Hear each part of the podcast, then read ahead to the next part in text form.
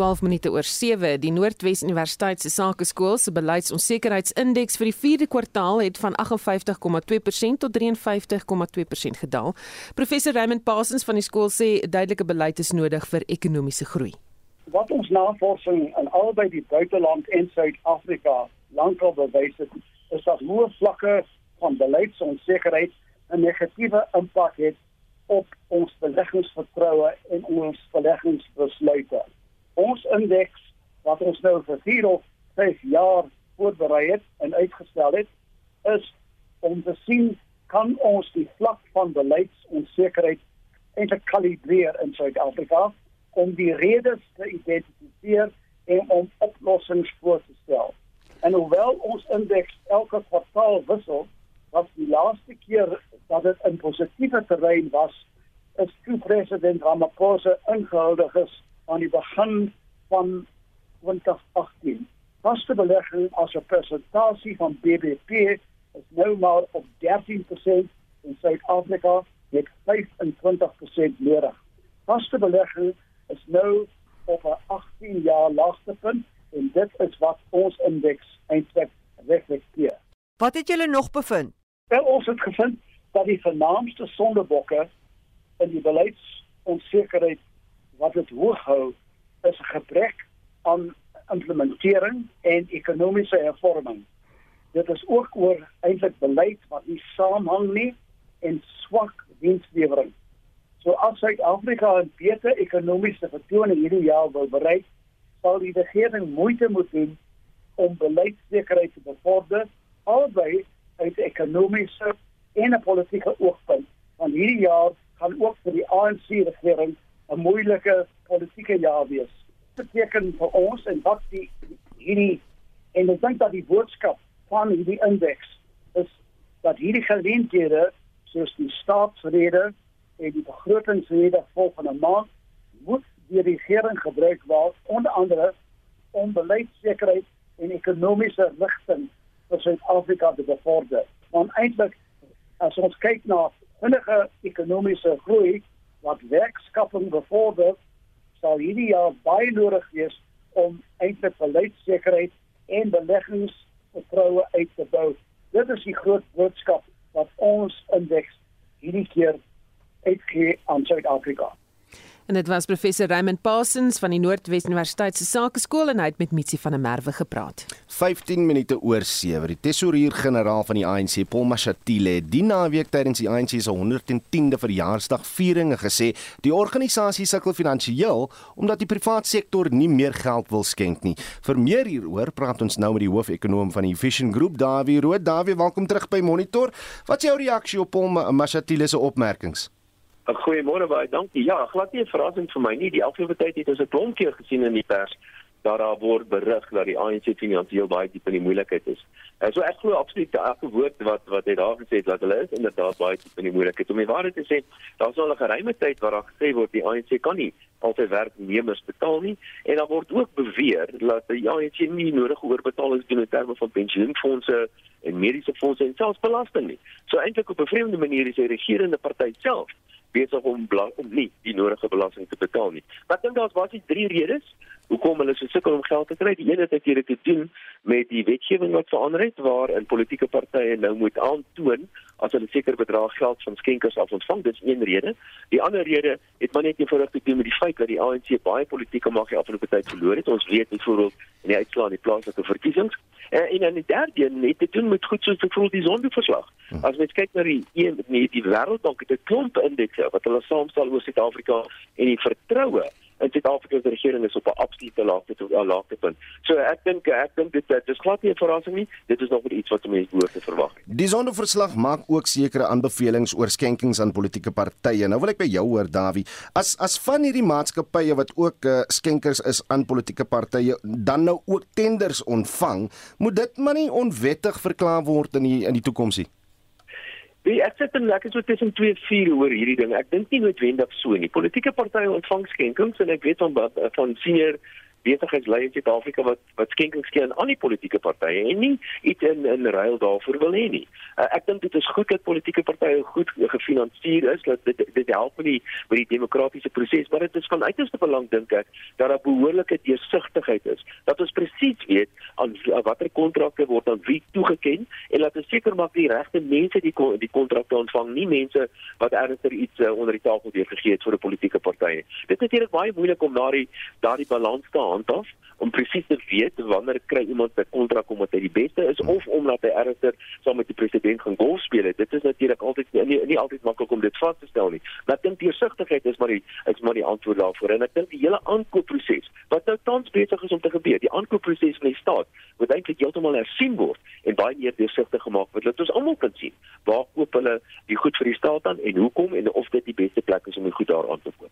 Is daar enigiets wat wat uh, toon of of kan jy sê of die ANC as politieke party sy geld sake koste doeltreffend bestuur? Wel as mens kyk hoe hulle die res van die land bestuur, dan is dit vir my baie duidelik dat ek dink hulle hulle eie geld sake word ook nie baie goed bestuur nie. Daar daar's dit is maar alles gerigte, mense weet nie wat daar aangaan nie. Dit is eintlik 'n soort van 'n private organisasie. Ons weet nie presies wat in hulle finansies aangaan nie, maar daar's baie gerigte wat die rond toe doen, nou ook maar korrupsie is binne in die ANC self. As mens kyk hoe die ANC regering die staatsbeheer instellings en die onderskeie staatsdepartemente die afgelope tyd absoluut van bestuur het, uh, dan is daar dan sê ek glad nie verbaas is as daar die wanbestuur by die ANC se finansies self ook is. So los hom daar, dit was hoofekonoom van die Vision Group Dawie Rood. Nou ja, volgens statistieke Suid-Afrika, die huishoudelike spaarkoers van uh, Suid-Afrikaners in die derde kwartaal van 2021 van 0,3 persentasiepunte in die tweede kwartaal tot 1,2 persentasiepunte gestyg. En uh, ons praat oor spaar, kan jy spaar? Klomp luisteraars wat saamgesels daaroor en sê luister, maar goed, ek kan nie spaar nie. Ek weet nie waar ek die geld moet kry om te spaar nie. Weet jy van jou Oudo veral nou met die skool um, wat begin uh, graad 1 hierdie jaar vir my 6-jarige meisietjie. Sy gaan nou môre skool toe. As ek kyk na wat ek uh, moes spandeer net op uniform self, staan nie plek om te spaar nie en alles word net duurder. Nou ja, ons praat nou met 'n ekonomiese navorser by die Solidariteit Navorsingsinstituut teens die Bison oor Suid-Afrikaners se spaargewoontes. Goeiemôre teens. Goeiemôre. Die prentjie het so effens verbeter nadat die netto huishoudelike spaarkoers, dis 'n bedrag wat huishoudings spaar minus die skuld wat hulle aangaan, al sedert die middel 2000s 0 of selfs negatief was. Wat het COVID-19 aan die situasie verander? Ja, dit is 'n baie effense verbetering en ongelukkig ook nie sulke goeie mense soos mense sal wil sien nie, maar die kort en die lank daarvan is mense is banger om skuld aan te gaan wat 'n baie goeie ding is in my opinie want die goue reël is altyd jy kan jouself nooit ryk leen nie, maar jy kan jouself baie vinnig arm leen. So mense het gesien in die ehm um, COVID-19 pandemie toe baie sonder werk gesit het skielik op hulle ure is verminder. Met gits kos kan jy nog besluit. Jy kan op ehm um, stop en cool lewe vir 'n tydperk en geen niks werk om nie maar as jy nou 'n klomp betalings het wat elke maand gemaak moet word dan baie mense hulle rieme lelik styf geloop en ek dink baie van ons het ons les geleer om minder skuld aan te gaan waar ons kan te begin spaar. Sê my, hoe omskryf jy spaar en om spaarsaam dan te leef? Wel as jy enigsins geld het, ehm um, wat jy nie in die afgelope maand verdien het nie dan te gespaar. Dis eintlik mense kan nou dit baie moeiliker maak as dit maar eenvoudig gestel as jy enigsins geld het wat al lanksom met kom dan het jy gespaar. En dan weer daar kom as jy met wat binne jou vermoë lewe.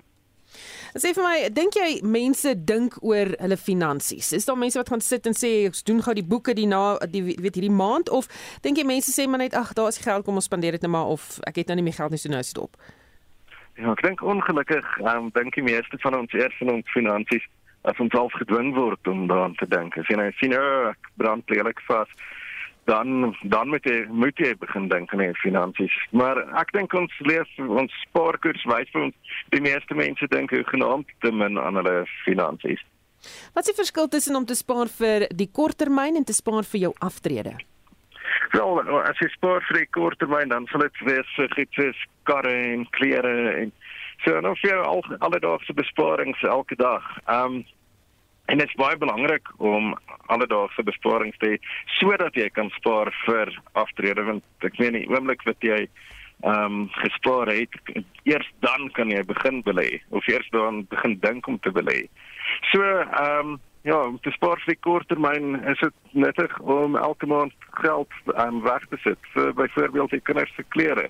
Mense weet ook nie oomblik wat 'n kind gebore is jy gaan gereeld vir hulle met klere koop so sit en dit gaan nie elke maand wees nie. Maar jy kan elke maand vir 200 rand vir 'n paar 10 rande self wegsit vir as jy nou geld het dan hoef jy nou nie jouself in skuld te dompel elke keer nie. Selfs vir iets soos 'n kar, as jy um jy kar klaar afbetaal het en jy hou vir 'n ekstra 3 jaar aan om daai eers die hele paaiement nie, maar 'n deel daarvan te spaar, kan jy vir jou 3 jaar later saam met die inruilwaarde van jou kar konstant koop en dan staan nie meer 'n uh, um finansiële tannie by die motorhandelaar wat jy kan dwing om 'n diensplan te vat en 'n gat nie ek koop praat vir allerlei ekstra's nie so dan spaar jy vir die volgende 5 jaar jou karpaaiement elke maand en ewe skielik is jy dan dalk in 'n posisie om 'n huis te koop en alles wat daarmee gepaard gaan Dis baie goeie wenke, uh, jy weet om op die korttermyn te spaar. Hoe kan jy jou korttermyn spaargewoontes laat omskakel na langtermyn spaargewoontes?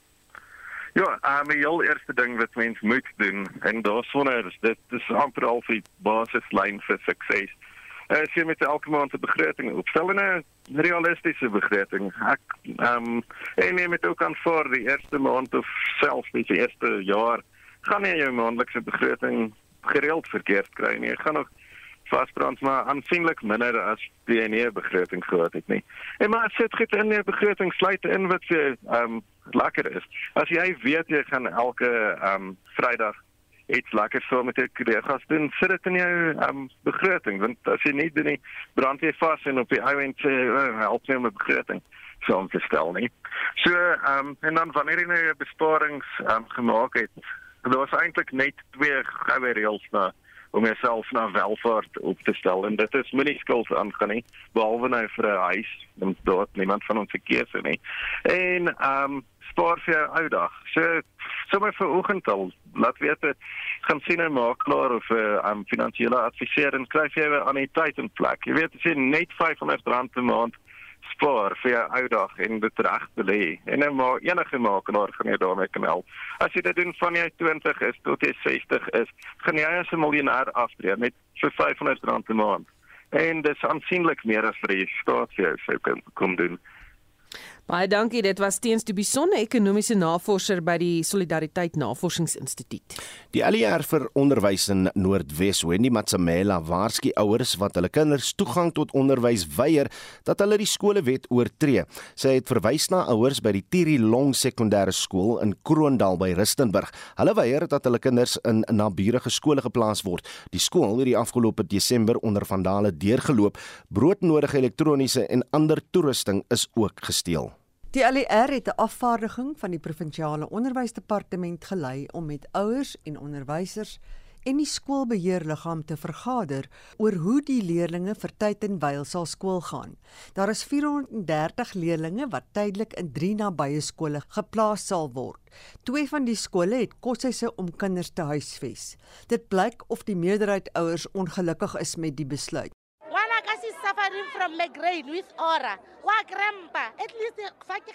My child is suffering from migraines with aura. When she gets such attacks, they always call me to come help her. Now I don't know how she's going to cope when she's far from me.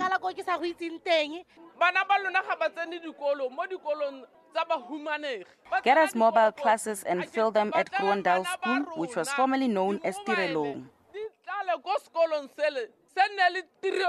Die voorsitter van die skoolbeheerorganisasie, Donald Nkanedzeni, sê die ingryping van die provinsiale onderwysdepartement help nie.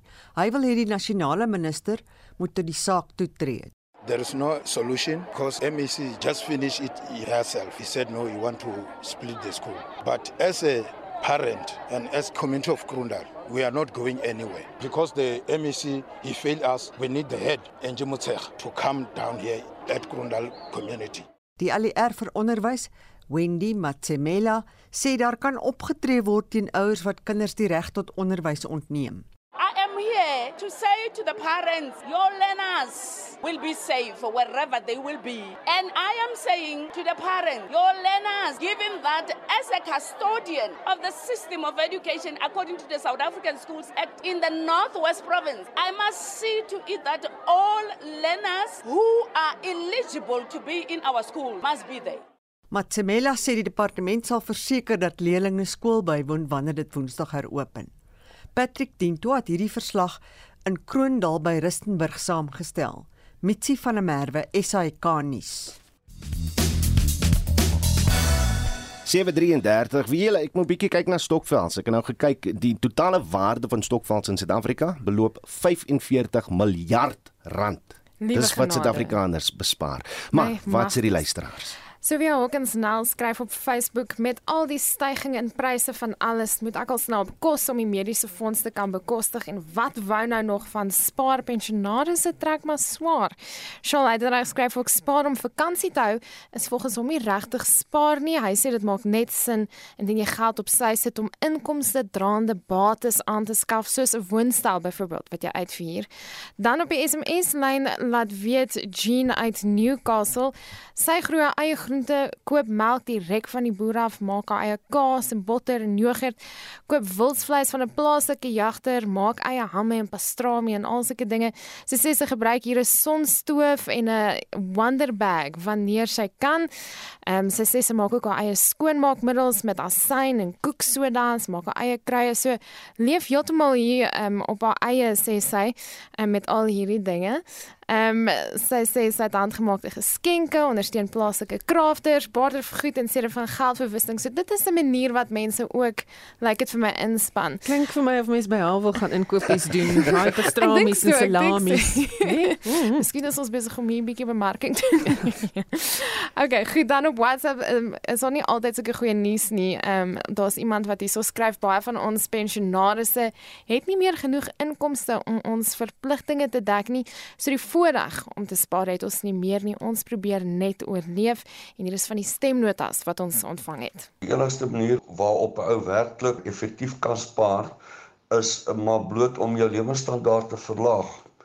Doen jou eie ding en op daardie manier kan jy spaar. Ek weet nie van iemand wat geld het om weg te sit elke maand.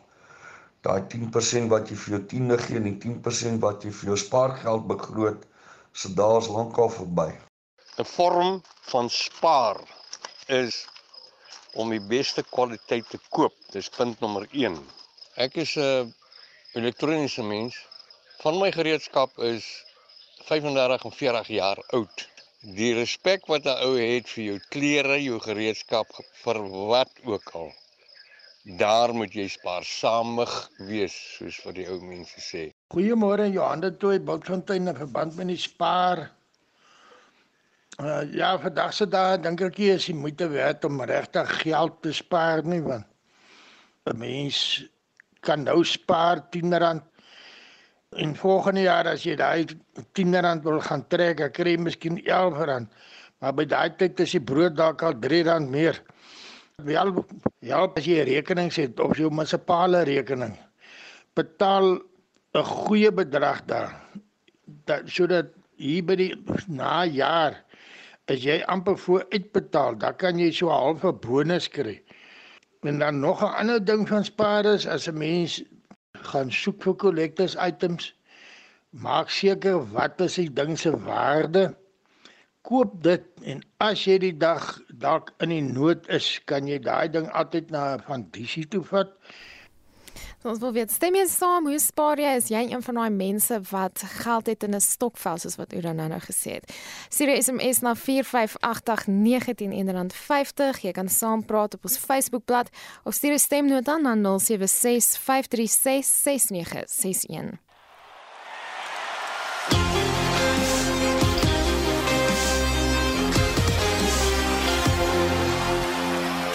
Tyd vir die jongste sportnuus hier Shaun Jooste. Met verskeie reekse en toernooie aan die gang, is dit weer tyd om na van die jongste ranglyste en puntelere te kyk. Op die cricketfront in die toetsreeks tussen die Proteas en Indië is sake gelykop met 1 elk na Suid-Afrika se oorwinning in die tweede toets. Die beslissende toets begin vanoggend 11:30 op Nieuweland in Kaapstad met Kagiso Rabada wat in sy 50ste toets speel. Jody Hendrik sal luisteraars op hoogte hou van gebeure. Dan loop die Aussies 3-0 voor in die reeks om die as teen Engeland. Die vyfde en laaste toets begin Vrydag in Perth. Op die ICC se 2021-23 toetskampioenskappe punteleer is Sri Lanka die voorlopers en het 100 persentasiepunte. Australië is tweede op 83.3, Pakistan derde op 75 en Indië vierde met 55 persentasiepunte. Die Proteas bekleed die vyfde plek en het 50%.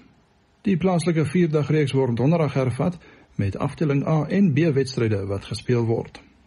Die Lions, Warriors, Titans en Knights bes die top 4 in afdeling A terwyl die Tuskers bo aan afdeling B is. Motorsport. Die 44ste Dakar tydren vind in Saudi-Arabië plaas. Nasser Al-Attiyah van Qatar bly die algehele voorloper na 8 skofte en is byna 38 minute voor die Fransman Sebastian Loeb in die tweede plek en meer as 53 minute voor die plaaslike Yazid Al-Rashi in die derde plek. Suid-Afrikaanse Janiel de Villiers is algeheel sewende net so oor die uur en 46 minute agter Alatea. Sokker. Die Afrika Nasies beker toernooi het Sondag in Kameroen afgeskop. Die gasheere Senegal en Marokko is die groepvoorlopers na al eerste wedstryde. Gister se tellings was 1-0 vir Senegal teen Zimbabwe, Guinea teen Mali, Marokko teen Ghana en ook Gabon teen die Comore-eilande. Rugby. Dan die Verenigde Rugby Kampioenskappe is Edinburgh van Skotland op 33, Leinster van Ierland op 29, Ulster ook van Ierland op 26 en nog 'n Skotse span Glasgow Warriors ook op 26 punte die top 4 spanne. Leinster het 7 en die ander 3 8 wedstryde gespeel. Die Suid-Afrikaanse franchises is die Lions 11de op 11 punte, die Sharks 12de op 9, die Stormers 14de op 7 en die Bulls 15de op 5 punte en dit is na 5 wedstryde elk. In die tenniswêreld begin die jaar se eerste Grand Slam, die Australiese Ope, oor 6 dae in Melbourne. Novak Djokovic van Servië is die wêreld se voorste manspeler, maar sy deelname aan die Ope is nog nie verseker nie.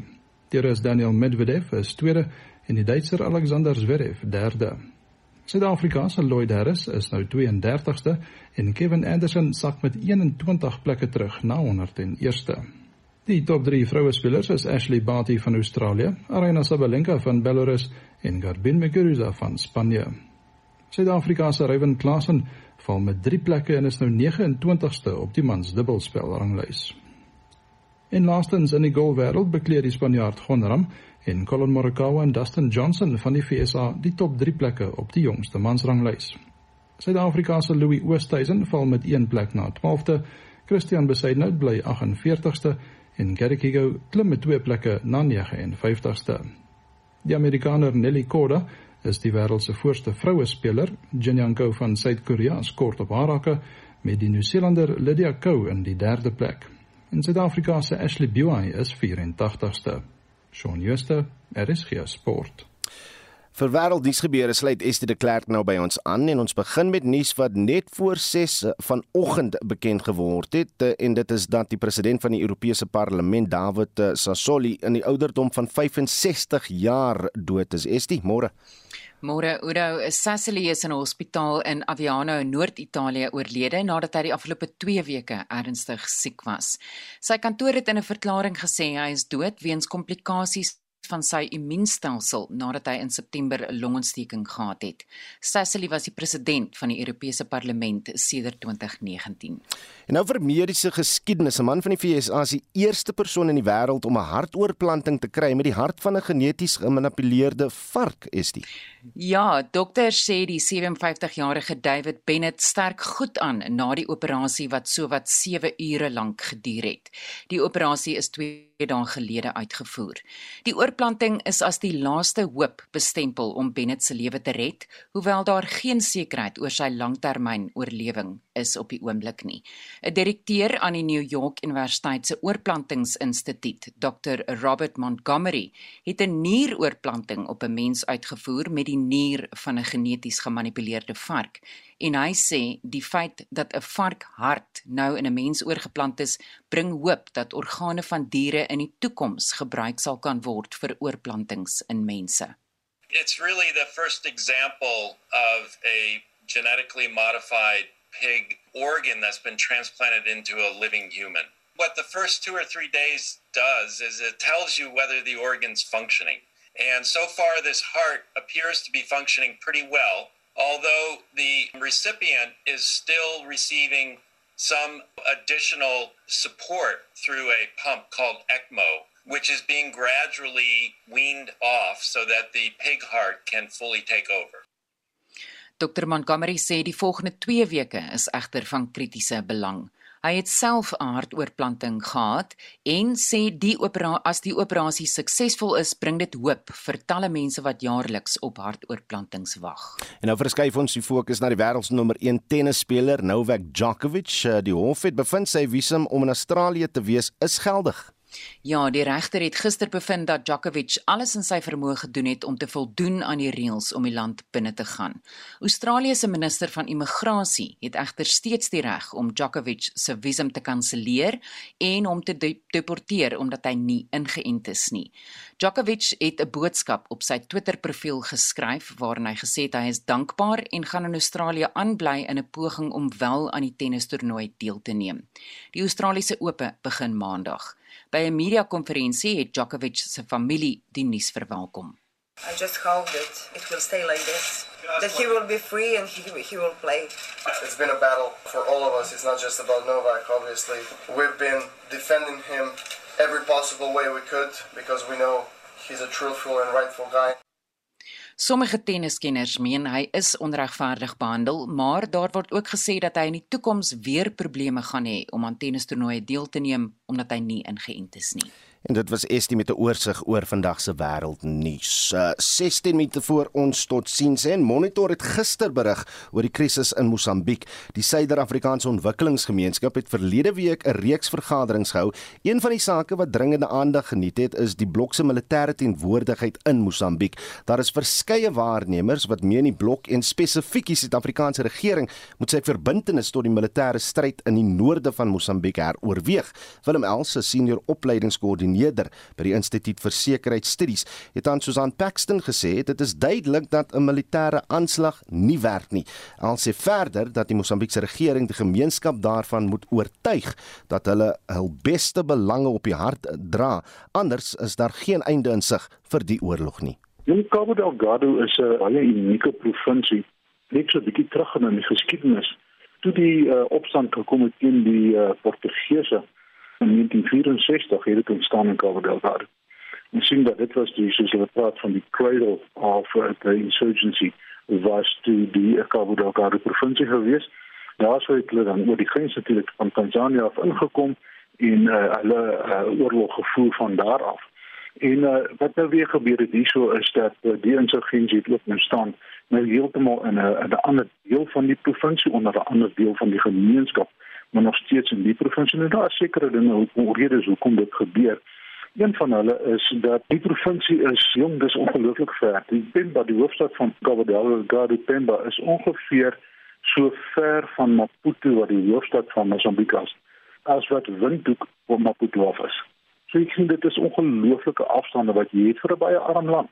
So die mense het nie al die nodige middele om redelik effektief die uh, provinsie te dien nie wat gemaak het dat die provinsie heeltemal vergeet geraak het. Dit was so in die Portugese bestel, dit was so in die Samora bestel en ook natuurlik nou later na 1992 waar dan natuurlik met die vrede gesluit is met Vietnam. So ons sien dat die provinsie soos die mense hulle self ook daarna verwys is die uh, Kaap van Vergeetheid of Cabo Escocido. So dit gee vir my die indruk wat daar aan die gang is. As jy in in, in daai provinsie is, dan jy voel eerder asof jy in Tansanië of in 'n ander land is as wat jy in Mosambiek is. Want uh, die enigste raakpunt wat jy het daar in die suide van die provinsie is is dat hulle Portugees praat. In die noordelike dele van die provinsie praat hulle nie eens of verstaan hulle nie eens Portugees nie. So ja. dit is heeltemal 'n disconnect van Maputo wat eintlik baie ver van die provinsie af is. So wat moet gebeur by die SADC beraad om die situasie te beredder? Jong, dit is 'n natuurlike baie interessante vraag wat ons so graag baie graag antwoorde sou wou gehad het. Want jy weet as jy gaan kyk na die geskiedenis van Afrika, waar jy met so 'n suiwer militêre aanslag en 'n strategie gekom het, het dit nog nooit gewerk nie. Dit het nog elke keer het dit ontaard in 'n baie lang oorlog en baie lang insurgensie. Ons kan nou kyk na wat in die Sahel gebeur.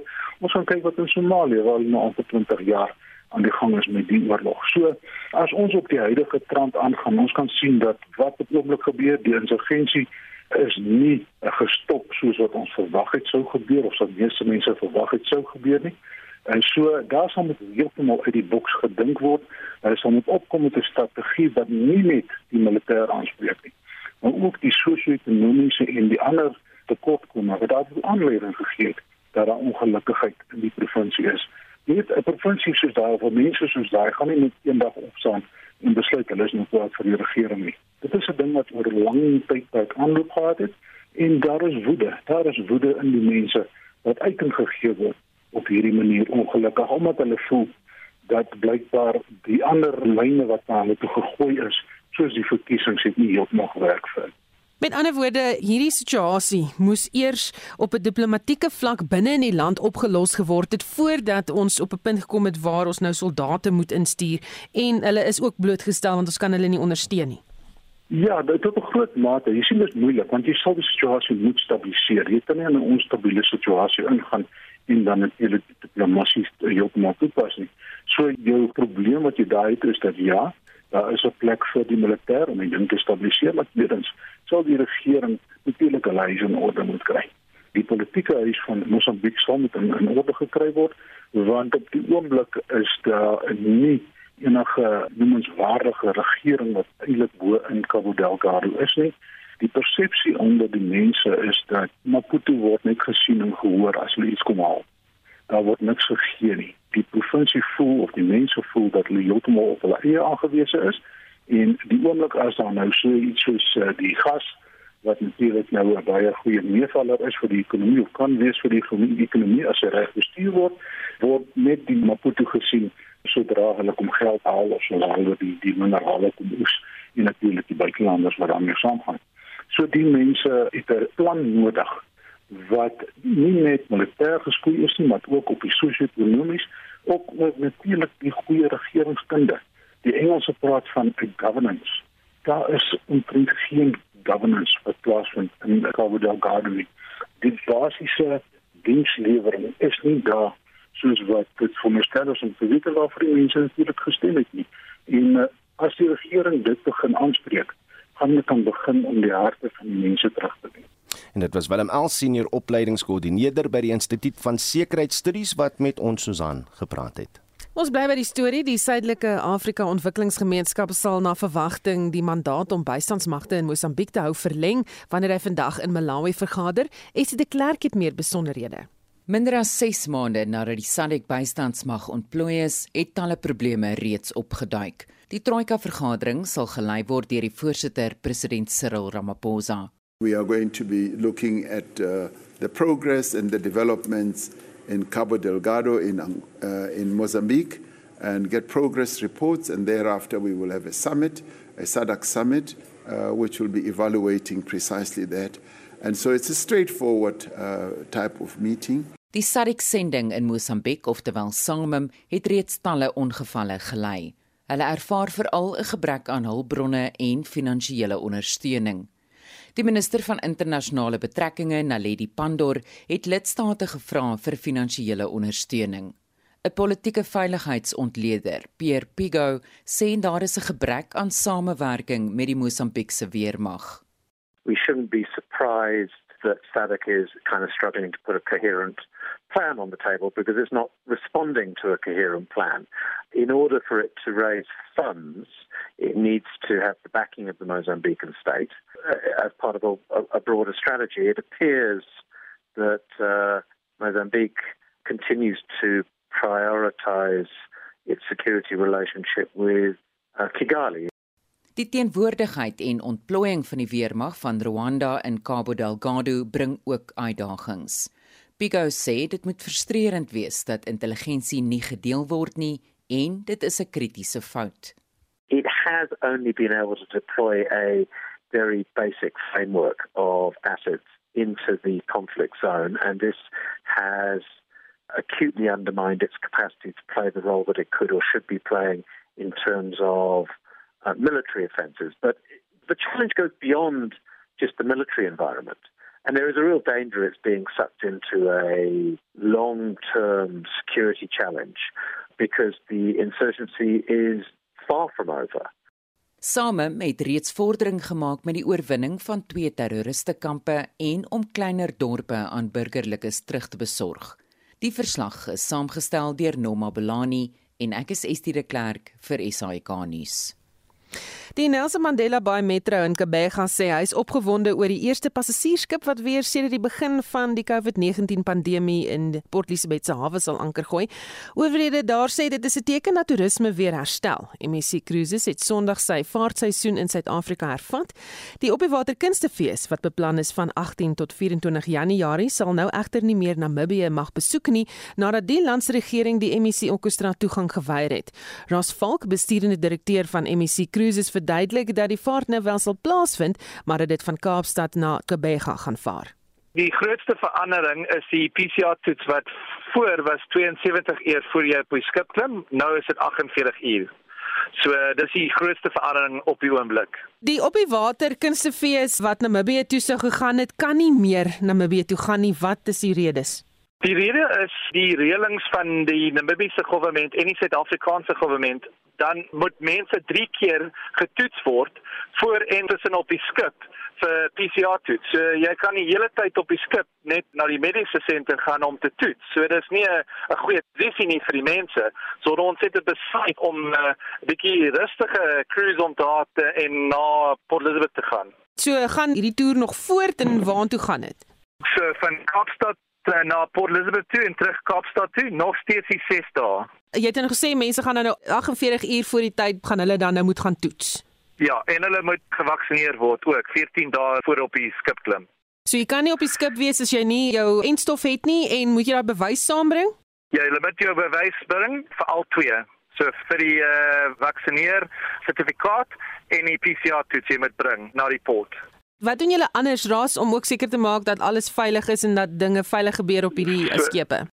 Omdat uh, hierdie op die water bootreis is 6 dae of 6 nagte en dis 'n lang tyd in die tyd van COVID, dan moet almal op die dag hulle op die skip klim. Hulle moet uh, nog 'n antigen test doen wat ons sal betaal. So die gaste gaan nie betaal vir die toets, maar ons moet dit doen want die bootreis is 'n bietjie langer as die gewone een en ons wil veilig uh, wees op die skip en doodseker maak dat niemand op die skip COVID kan kry. Sou iemand dan nou positief toets, wat gebeur dan? So as hulle positief toets, die besluiting om waar hulle gaan is die CDC en die departement van gesondheid. So ons praat met hulle en die meeste van die tyd as jy van Kaapstad of uh, die Wes-Kaap is, dan wil hulle uh, terug na jou huis stuur om 10 dae in isolasie te wees. Maar as jy van Johannesburg of enige ander plek in die land, dan sal hulle probeer om in 'n tel vir 10 dae wat betaal is van die versekeringspolis wat jy uitgevat toe jy die bootreis gebespreking gemaak. Julle het dan nou ingestel hierdie COVID versekering, wat behels dit? Dis goeie versekeringspolis. So as jy 'n mens van uh, Johannesburg is en jy toets en jy's positief, dan betaal hulle vir die bootreis koste as jy op die skip positief toets, betaal hulle vir die mediese koste en dan die uh, 10 dae isolasie wat jy moet gaan en terug na jou huis. So dis ingesamel met die pryse, dis 'n goeie posisie te wees. En dit was Ras Volk, bestuurende direkteur van MSC Cruises. Daar is geen verkeer. In Kaapstad staan 'n voertuig op die N1 stad in by Klapmuts, linkerbaan toe daar. Daar staan ook 'n voertuig op die N2 stad in by Hospitaal draai in die linkerbaan en daar staan 'n voertuig op die N1 stad in by Brightonweg linkerbaan is gesluit daar en dit is jou verkeersnuus. Marlene, jy moet huis toe met wat die luisteraars te sê het. En ons praat vanoggend oor spaar. Hoe spaar jy? Waar sit jy jou geld om seker te maak dat jy nie daaraan raak nie dat jy darm iets het as jy nood druk en hier is van ons luisteraars op WhatsApp se mening. Rondom spaar het my stiefsussie met 'n baie oulike idee opgekom. Sy het 'n 2 liter bottel gevat waarin sy R5 spaar. Elke keer as iemand in die huis vloek, moet hulle R5 in die bottel gooi. En so spaar sy dan ook vir haar eerste mikrogolf. Sy het verlede jaar matriek geskryf. Stokvel is 'n groot klomp rubbish wat daar is. Ek het in 2016 in 'n stokvel aangesluit. Ek het 30000 ingesit. En uh teen hierdie tyd moes dit nou oor die 300000 gewees het. En uh hulle het weggehardop met die geld. Hulle is weg. Hulle is net heeltemal weg toe ek Januarie 2017 van die rente wou getrek het, toe hulle weg. My naam is Veronica van Heidelberg. Ek het begin spaar toe ek letterlik begin werk het wat op die ouderdom van 23 Daar iemand na ons werk toe gekom, 'n finansiële adviseur en hulle het vir ons die produkte voorgelê en toe ek toe al 'n anniteit begin. En nou is ons omtrent al amper 10 jaar later. Ek is nou 31 jaar oud en ek het alles in plek wat daar moet wees en dit maak net deel uit van my maandelikse begroting. As dit deel is van jou begroting, dan werk dit. Ja, fantastiese advies. Ek wil net weet hoe pas 'n R5 muntstuk in 'n 2 liter bottel in? Jy staan net 'n gaatjie mos nou bo en soos wat jy in die masjiene gooi as jy gaan jy nou vir jou 'n uh, uh, uh, soort spaarbusie maak het die twee liter bottel. Ek ek het spaarbusies en spaarvarkies. Ek weet nou nie van jou nie. Baie vloek hulle egter. Baie vloek ons as ons dit 'n spaarplan kan maak.